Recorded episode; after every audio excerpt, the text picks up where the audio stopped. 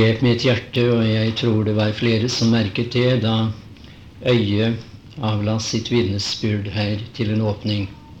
Det var usedvanlig godt å høre. Og jeg må si det samme som Listhaug nevnte, at det har gått usannsynlig hurtig med denne uken, fra vi begynte på tirsdag, som vi hørte, og til i dag. Jeg har også følt noe av det samme, at jeg har kjent samfunn med dere i Herren når vi har vært samlet om disse vidunderlige sannheter. Og vi har hatt som emne, som allerede nevnt, Kristus, Guds lam. Og det er et meget sentralt emne.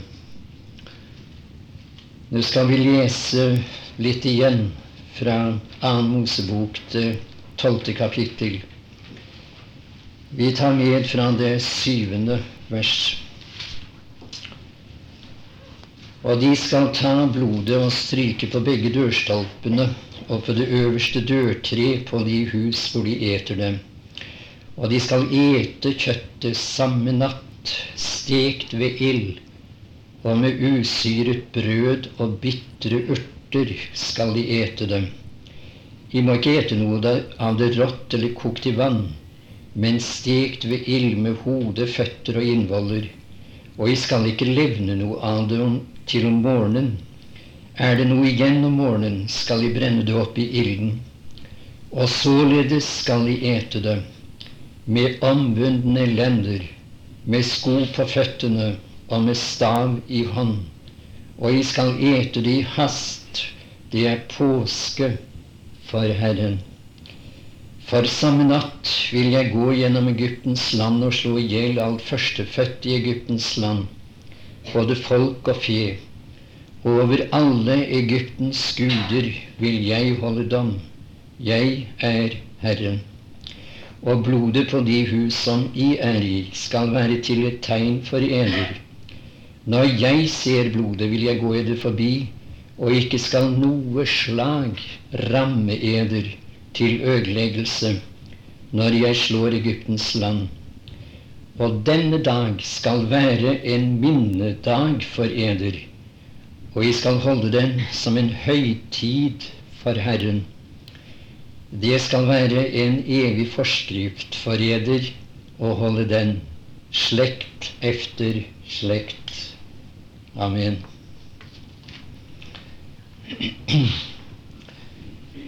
I dag har det stått sånn for meg at jeg skulle prøve å gi et sammendrag av det vi har vært opptatt av i møtene denne uken.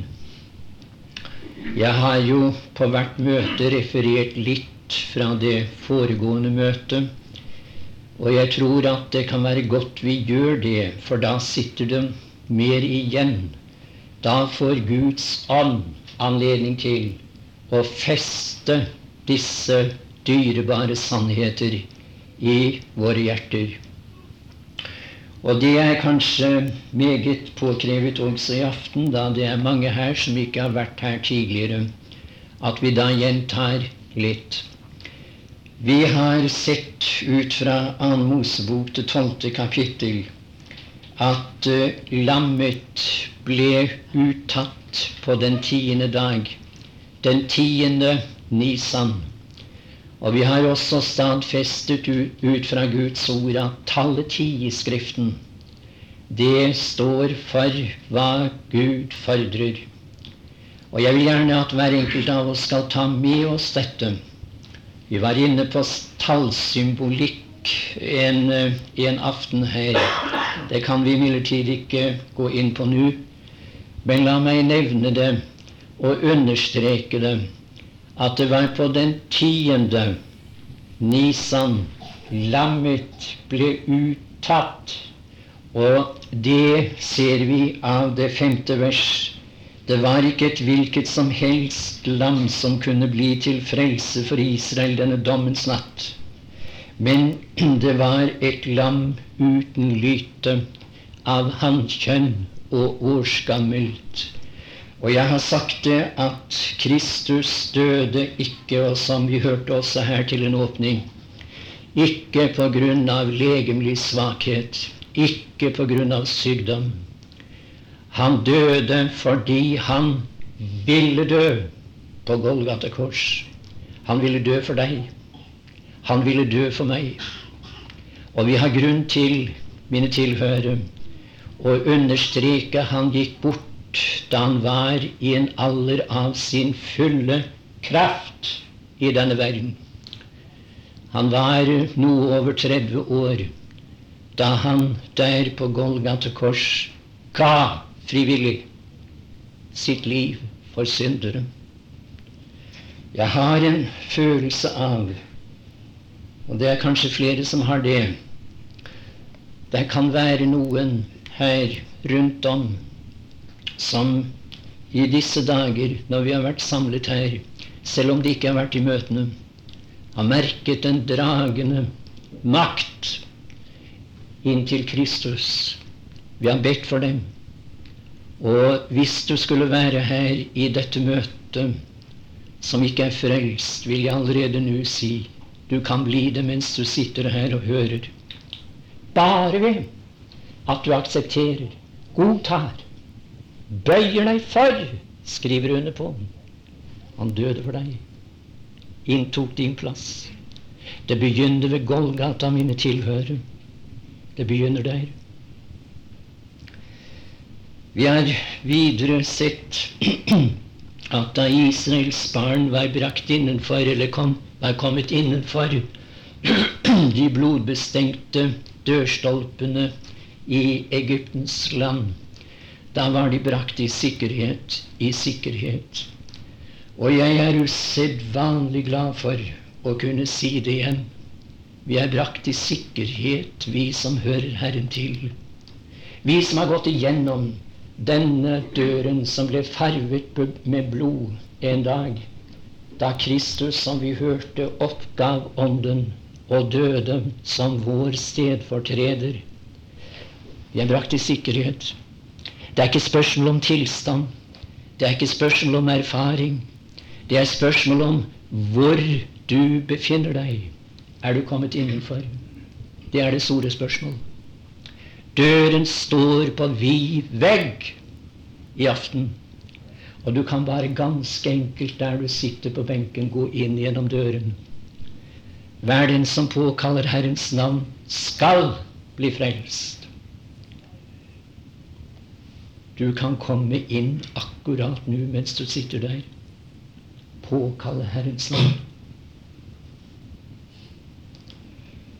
Vi har videre sett litt på det annet vers.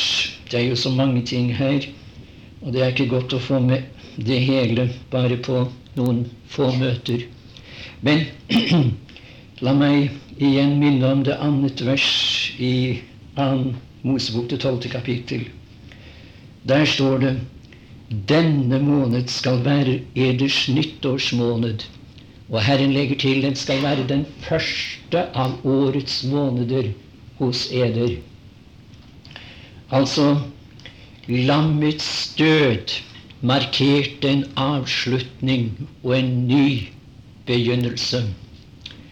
En Nisan var opprinnelig, som jeg har talt om tidligere, den syvende måned i Israels kalenderår. Men da lammet ble slaktet i denne måned. Offerlammet, det som ble Israel til frelse, så ble det en ny kalender i Israel. Denne måned skal være eders nyttårsmåned. Og det vil jo da med andre ord si at de seks månedene som allerede hadde gått av året. De var borte. Fraregnet Israel. En ny begynnelse. Det ble en ny begynnelse, mine tilhørere, da vi møtte Kristus som Guds lam. Vi ble brakt like inn i det himmelske i Ham fra det øyeblikket av. Forenet med Ham i kraft av Hans døde oppstandelse, som vi hørte så fint i formiddag. Det er blitt en ny begynnelse. Gud regner kun med en ny skapning. Det er ikke med det gamle. Han er ferdig med det. Hvor Adams uh, natur den uh, fant sin avslutning i Kristi død.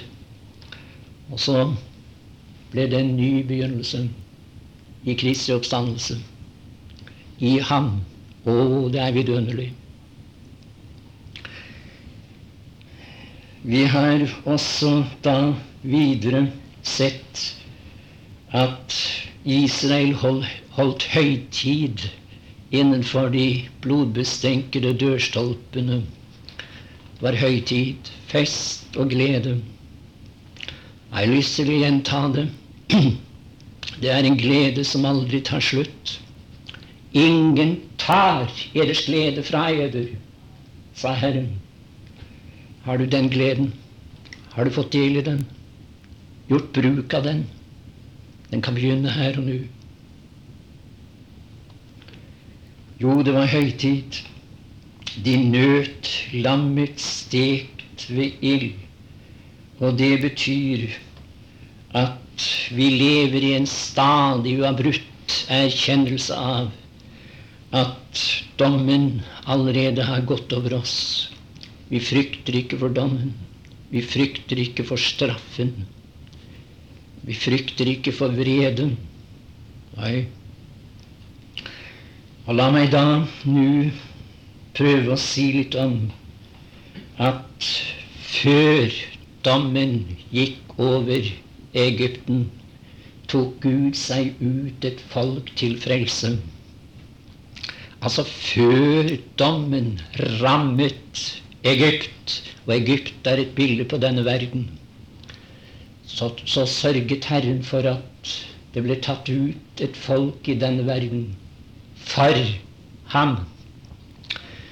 Og man stiller ofte det spørsmål hva er Gud opptatt med i dag? Hva er det han bestiller i dag? Ja, jeg skal gi svaret ut fra Guds ord.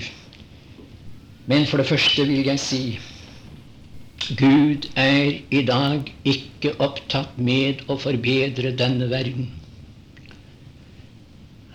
Når jeg lytter til radio, når jeg ser på fjernsyn, leser aviser, eh, da får jeg et sterkt inntrykk av at de troende er mer, langt mer engasjert i å ta sikte på at denne verden skal bli god, enn de er opptatt med sjelene som er i nød, sjelene som går til grunnen.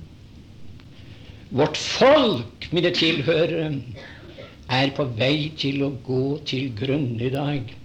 Det er mennesker i ung alder som går omkring i de store byene, ikke minst i Kristiansand kanskje, som er ødelagt de er vrak av mennesker.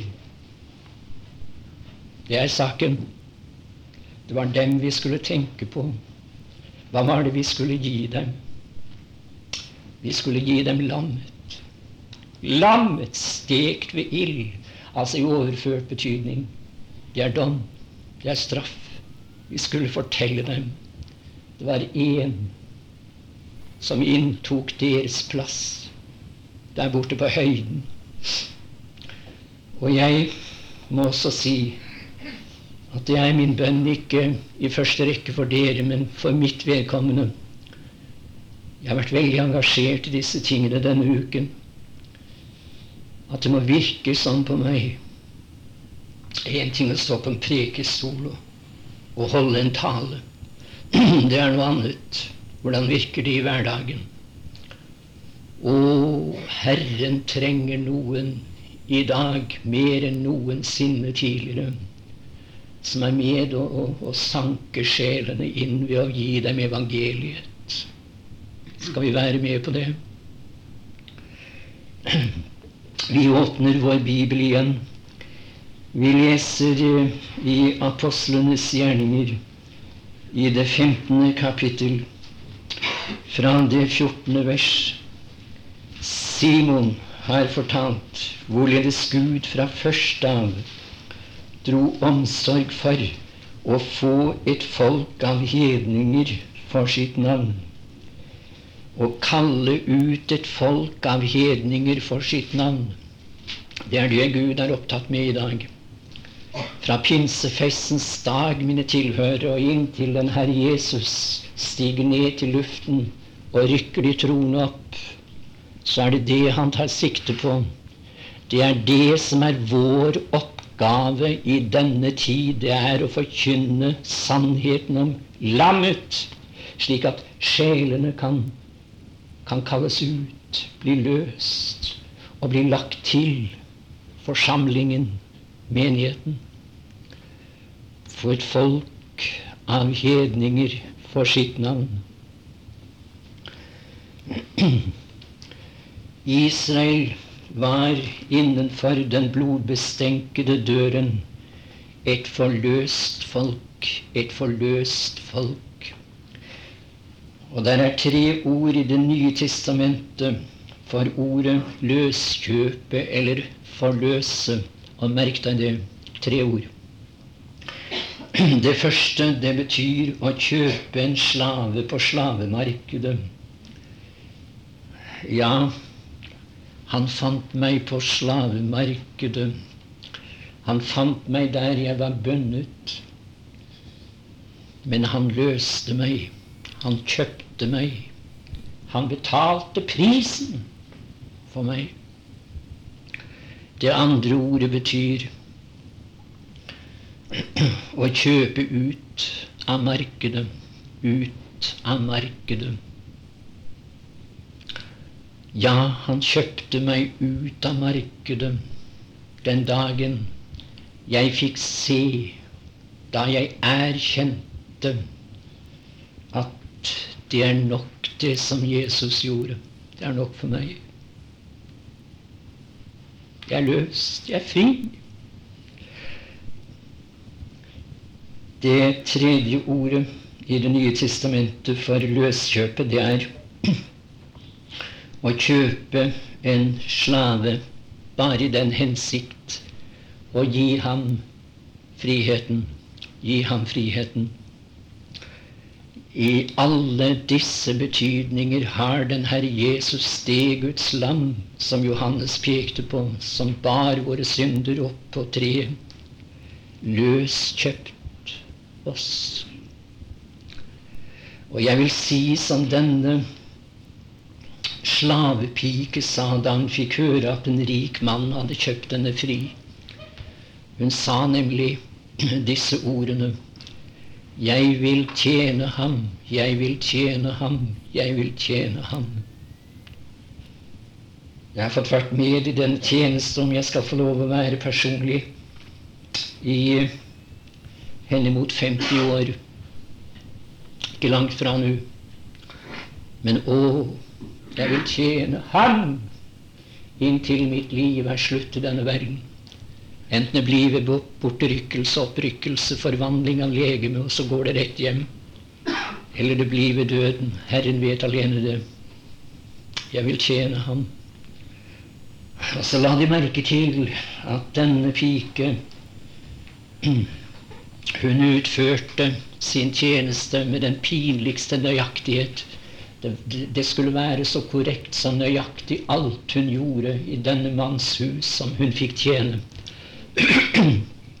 og de spurte henne hvorfor hun tok det så nøye, og da svarte hun Han har kjøpt meg fri. Han har kjøpt meg fri. Han har kjøpt meg fri. Er han det verdt? at vi gir vårt liv til Ham, tjener Ham. Ja, han er det verdt. Han som gav alt for å redde den stakkaren som står her, og det er ikke et munnhell når jeg sier det. Vær oppmerksom på det. Jeg kan ikke fulltakke ham for at han løste meg, kjøpte meg, satte min sjel i frihet. Jo, de var et forløst folk. Og det heter i det ellevte vers, om du vil se på det igjen Således skal I ete det. Altså, det var på en bestemt måte. De skulle innta en spesiell stilling når de spiste lammet stekt ved ild. De skulle ete det med usyret brød, står det. Og her heter det Og således skal de ete det med ombundne lender. Og ombundne lender, det betyr at man er atskilt fra det som omgir en i denne verden. Atskilt. Herren vil ha et atskilt folk, et folk som er tatt ut, satt til side for ham, helliget ham i det praktiske liv, med andre ord. Med sko på føttene. Et folk på vandring. Et folk på vandring. Med stav i hånd. Og jeg liker her å tenke på at staven står for de mange løfter Herren har gitt oss, som vi kan støtte oss på. Jeg, jeg, finner ikke å kunne støtte meg til noe i meg selv. Ikke noe ved meg selv. Men jeg har funnet noen løfter. Og jeg vil gjerne få lov å gjenta et ord som jeg leste tidligere i denne møteserien. Og det er siste del av Johans evangelium, sjette kapittel, vers 37. Den som kommer til meg, vil jeg ingenlunde støte ut. Og jeg har sagt det, og jeg gjentar. Hør nå. Av ingen som helst årsak eller grunn vil han støte meg ut. Jeg skal få være der. Fikk du tak i det? Det er ikke noe, altså, som kan bevirke at Kristus støter deg ut fra huset når du er kommet inn forsamlingen, menigheten. Du skal få være der gjennom alle evigheter.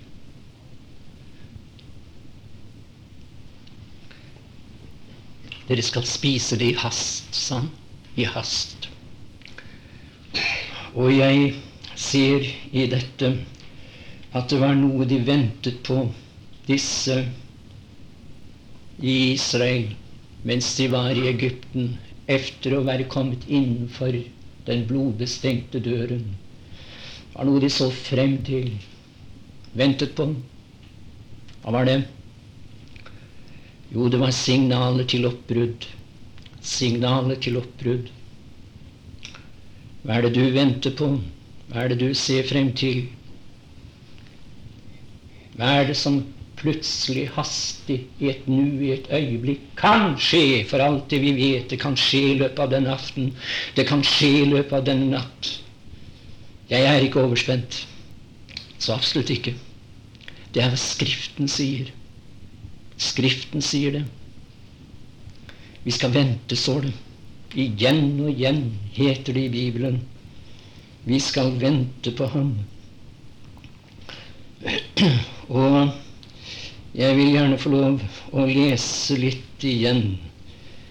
Det er fra første Tessalonikerbrev, det første kapittel og det tiende vers. Første Tessalonikerbrev, kapittel 1, vers 10. Oss var inngang vi fikk hos eder. Og hvorledes si venter eder til Gud fra avgudene for å tjene den levende og sanne Gud, og vente og vente på Hans Sønn fra himlene, som Han oppvakte fra de døde, Jesus, Han som frir oss fra. Og jeg har lyst til at du skal notere deg de tre ordene der. Frir oss fra den kommende vrede. I første Tessalonikerbrev, i det 15 kapittel. Og der, i vers 51, 52 Se, jeg sier dere en hemmelighet, vi skal ikke alle hen sove. Det er noen mennesker, og det er noen predikanter, som sier til oss Ingenting er så sikkert som at vi en dag skal dø. Har du hørt det? Jeg har hørt det mange ganger. Jeg har sett det på trykk også. Bibelen sier det er noen mennesker som ikke skal gå den veien. Ikke om døden, ikke om graven, skal gå på direkten, på direkten hjem, bli forvandlet, bortrykket. Se, jeg sier dere en hemmelighet. Vi skal ikke alle hensove, men vi skal alle forvandles. I et nu, i et øyeblikk, ved den siste basun. For basunen skal lyde, og de døde skal oppstå uforgjengelige, og vi skal forvandles. Det er fint. Jo, det skal snart bli et friluftsmøte, godt folk, av dimensjoner. Og jeg tror den, den stunden, det øyeblikket, det er såre nær. Jeg venter ham. Jeg venter ham. Gjør du? Jeg tror ikke det er noe som kan vekke Guds folk i dag. Jeg tror ikke det er noe som kan velsigne de troende i dag i den grad som nettopp denne sannhet. Og jeg tror heller ikke det er noe som kan bevege syndere til å innta et klart og avgjort standpunkt for Kristus i dag, som nettopp den sannheten, om den virkelig ved Den hellige ånd blir lagt dem på hjertet Snart er Sødal tom for troende. De er borte. Det er ikke sikkert de setter så veldig stor pris på dem i dag. Men det kan jeg love deg. Du vil bli savnet når din plass er tom. Ingen som vitner, ingen som synger, ingen som preker. Det er blitt tyst. Er du frelst? Kom til den Herre Jesus. Jeg har sagt det til Gud i mine stille stunder i den senere tid spesielt. Jeg vil ikke holde en preken, ikke en bibeltime, med mindre jeg innbyr syndere til Kristus og prøver å preke så enkelt at syndere som er til stede, som ikke er frelst, de må kunne gripe sannheten ved Den hellige ånds ledelse. Bare vend deg mot Golgata, min venn. Erkjenn var din synd han bar. Han gjorde opp for deg. Jo, vi venter på noe, noe usigelig stort. Det skal bli et møte snart lufthimmelen, i atmosfæren. Jeg vet ikke hvor langt ned han kommer. Og det betyr ikke så meget. Jeg vet bare det at han kommer like ned fra herlighetshimmelen, gjennom stjernehimmelen og ned til atmosfæren. Der skal det skje. Rykkes det opp. Skal jeg se ham for første gang. For første gang. Jeg har aldri sett denne personen. Jo, jeg har sett ham i Skriften. Gud være takk. Jeg ser ham hver dag der. Og når han er så skjønn for troens, for troes øye mitt, hva vil det bli når jeg konfronteres med ham, ser ham som han er? Det vil ha en sådan effekt på denne kroppen at plutselig er den forvandlet, transformert. Den er blitt lik ham. Var det han hadde for øye da han der på Golgata kors sa Det er fullbrakt. Det er fullbrakt. Vet du hva jeg tror? Og jeg har tenkt på det i dag. Jeg, jeg, tror at for Kristus var det der så godt som om han allerede hadde hele flokken hjemme. Det er fullbrakt! Det skal ikke noe mer til. Det er gjort alt. Ikke underlig at det står for den glede som ventet ham. Vi tenker på vår glede. Og det har vi all grunn til. Men ikke bare vår glede må vi tenke på. Tenk på hva det vil bli for ham når han en dag ser oss der i herliggjort skikkelse for tronen. Hva det vil bli for ham. Da skal han mettes. Da skal han tilfredsstilles når han ser deg og meg der.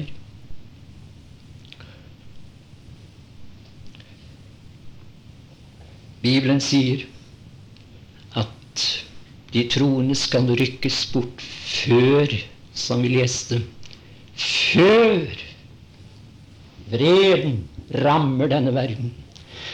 Ja, det var det som skjedde i Egypt.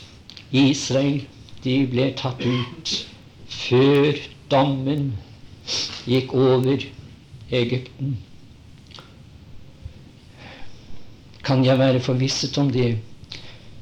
Helt sikker på at den Herre Jesus tar meg hjem før vreden rammer verden. Ja, det kan jeg. Jeg leste i dag, og jeg anvender det. Det er ikke tolkningen, men jeg anvender det. Salme 27, 5 sier Han gjemmer meg i sin hytte på den onde dag. Han gjemmer meg i sin hytte. Og den hytten tror jeg er vakker. For Johans evangeliums 14. Eh, kapittel og 3. vers sier at når, når jeg er gått bort av berettelse, kommer jeg hjem og vil ta eder til meg, for at dere skal være der hvor jeg er. Og der hvor han er, der tror jeg det er vakkert. Der eh, vil komme en storm over denne verden, en orkan snart. Men den vil ikke begynne før de troende er borte. Og Jeg har en liten illustrasjon som kanskje kan klargjøre dette. Det var en formuende mann som kjøpte et stort bygningskompleks en gang. Det var mange bygninger på dette området han kjøpte. Og i en av disse bygningene bodde det i en leilighet en eldre kvinne, en troende kvinne. Hun var en god venn av denne mannen. Og som han kommer en dag på besøk til henne Det gjorde han for øvrig ofte. Men som han kommer en dag, så sier han i samtalens løp 'Jeg må fortelle deg en nyhet', sier han.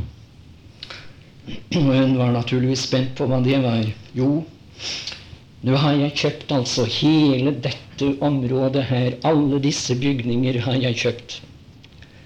Og jeg har en hensikt med det. Og det er jeg vil, jeg vil rive ned det alt i hop.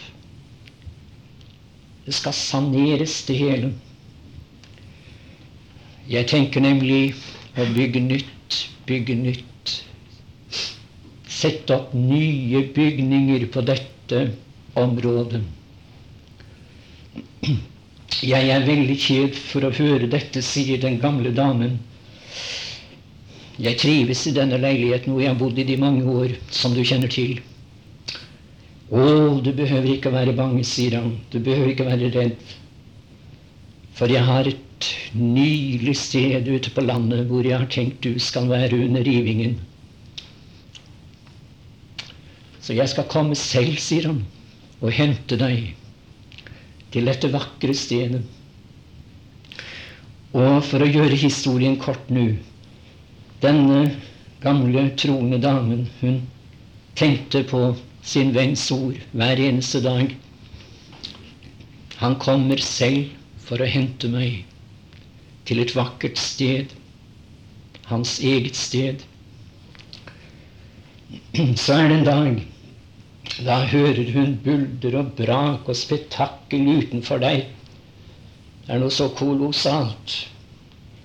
Så går hun bort og åpner vinduet og ser ut.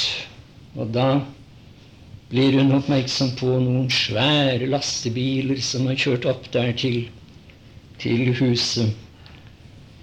Og hun hører raslingen av redskaper. Hun ser til like at de, de begynner å sette opp stillaser. Vet du hva hun sa til seg selv da? Nå er det ikke lenge. Nå er det ikke lenge igjen. Nå er han her snart. Nå er han her snart. Jo, ganske riktig. Han sa til henne det skal ikke løses en eneste sten i denne bygningen før jeg har hentet deg. Og så, og så ser hun en flott bil komme opp kjørende til huset der. Der kommer han. Er du rede? Er du klar? Ja, jeg er klar. Jeg er rede. Jeg har ventet på deg. Så bærer du ut til dette deilige sted ute på landet. Hans eget sted. Mine tilhørere, han har et, et sted som han har beredt. Breder ikke nå. Nei, det er beredt. Det ble beredt i det han sa, det er fullbrakt. Himmelen er åpen over deg. Du kan gå inn på direkten, nemlig på Kristi blods grunn. Det er en åpen vei, en levende vei, fører like inn i hans nærhet. Stedet er beredt, vi vandrer her ved tro. Vi tenker på det gode løftet. Johans omværingen 22. kapittel tre ganger sier han det. Det må, det må ligge ham på hjertet og, og gjøre dette klart for oss. Jeg kommer snart. Jeg kommer snart. Er det noen som vil være med, som ikke er i, i flokken, som ikke er med på vandringen, som ikke har fått sko på føttene ennå? Kom, min venn. Kom nå.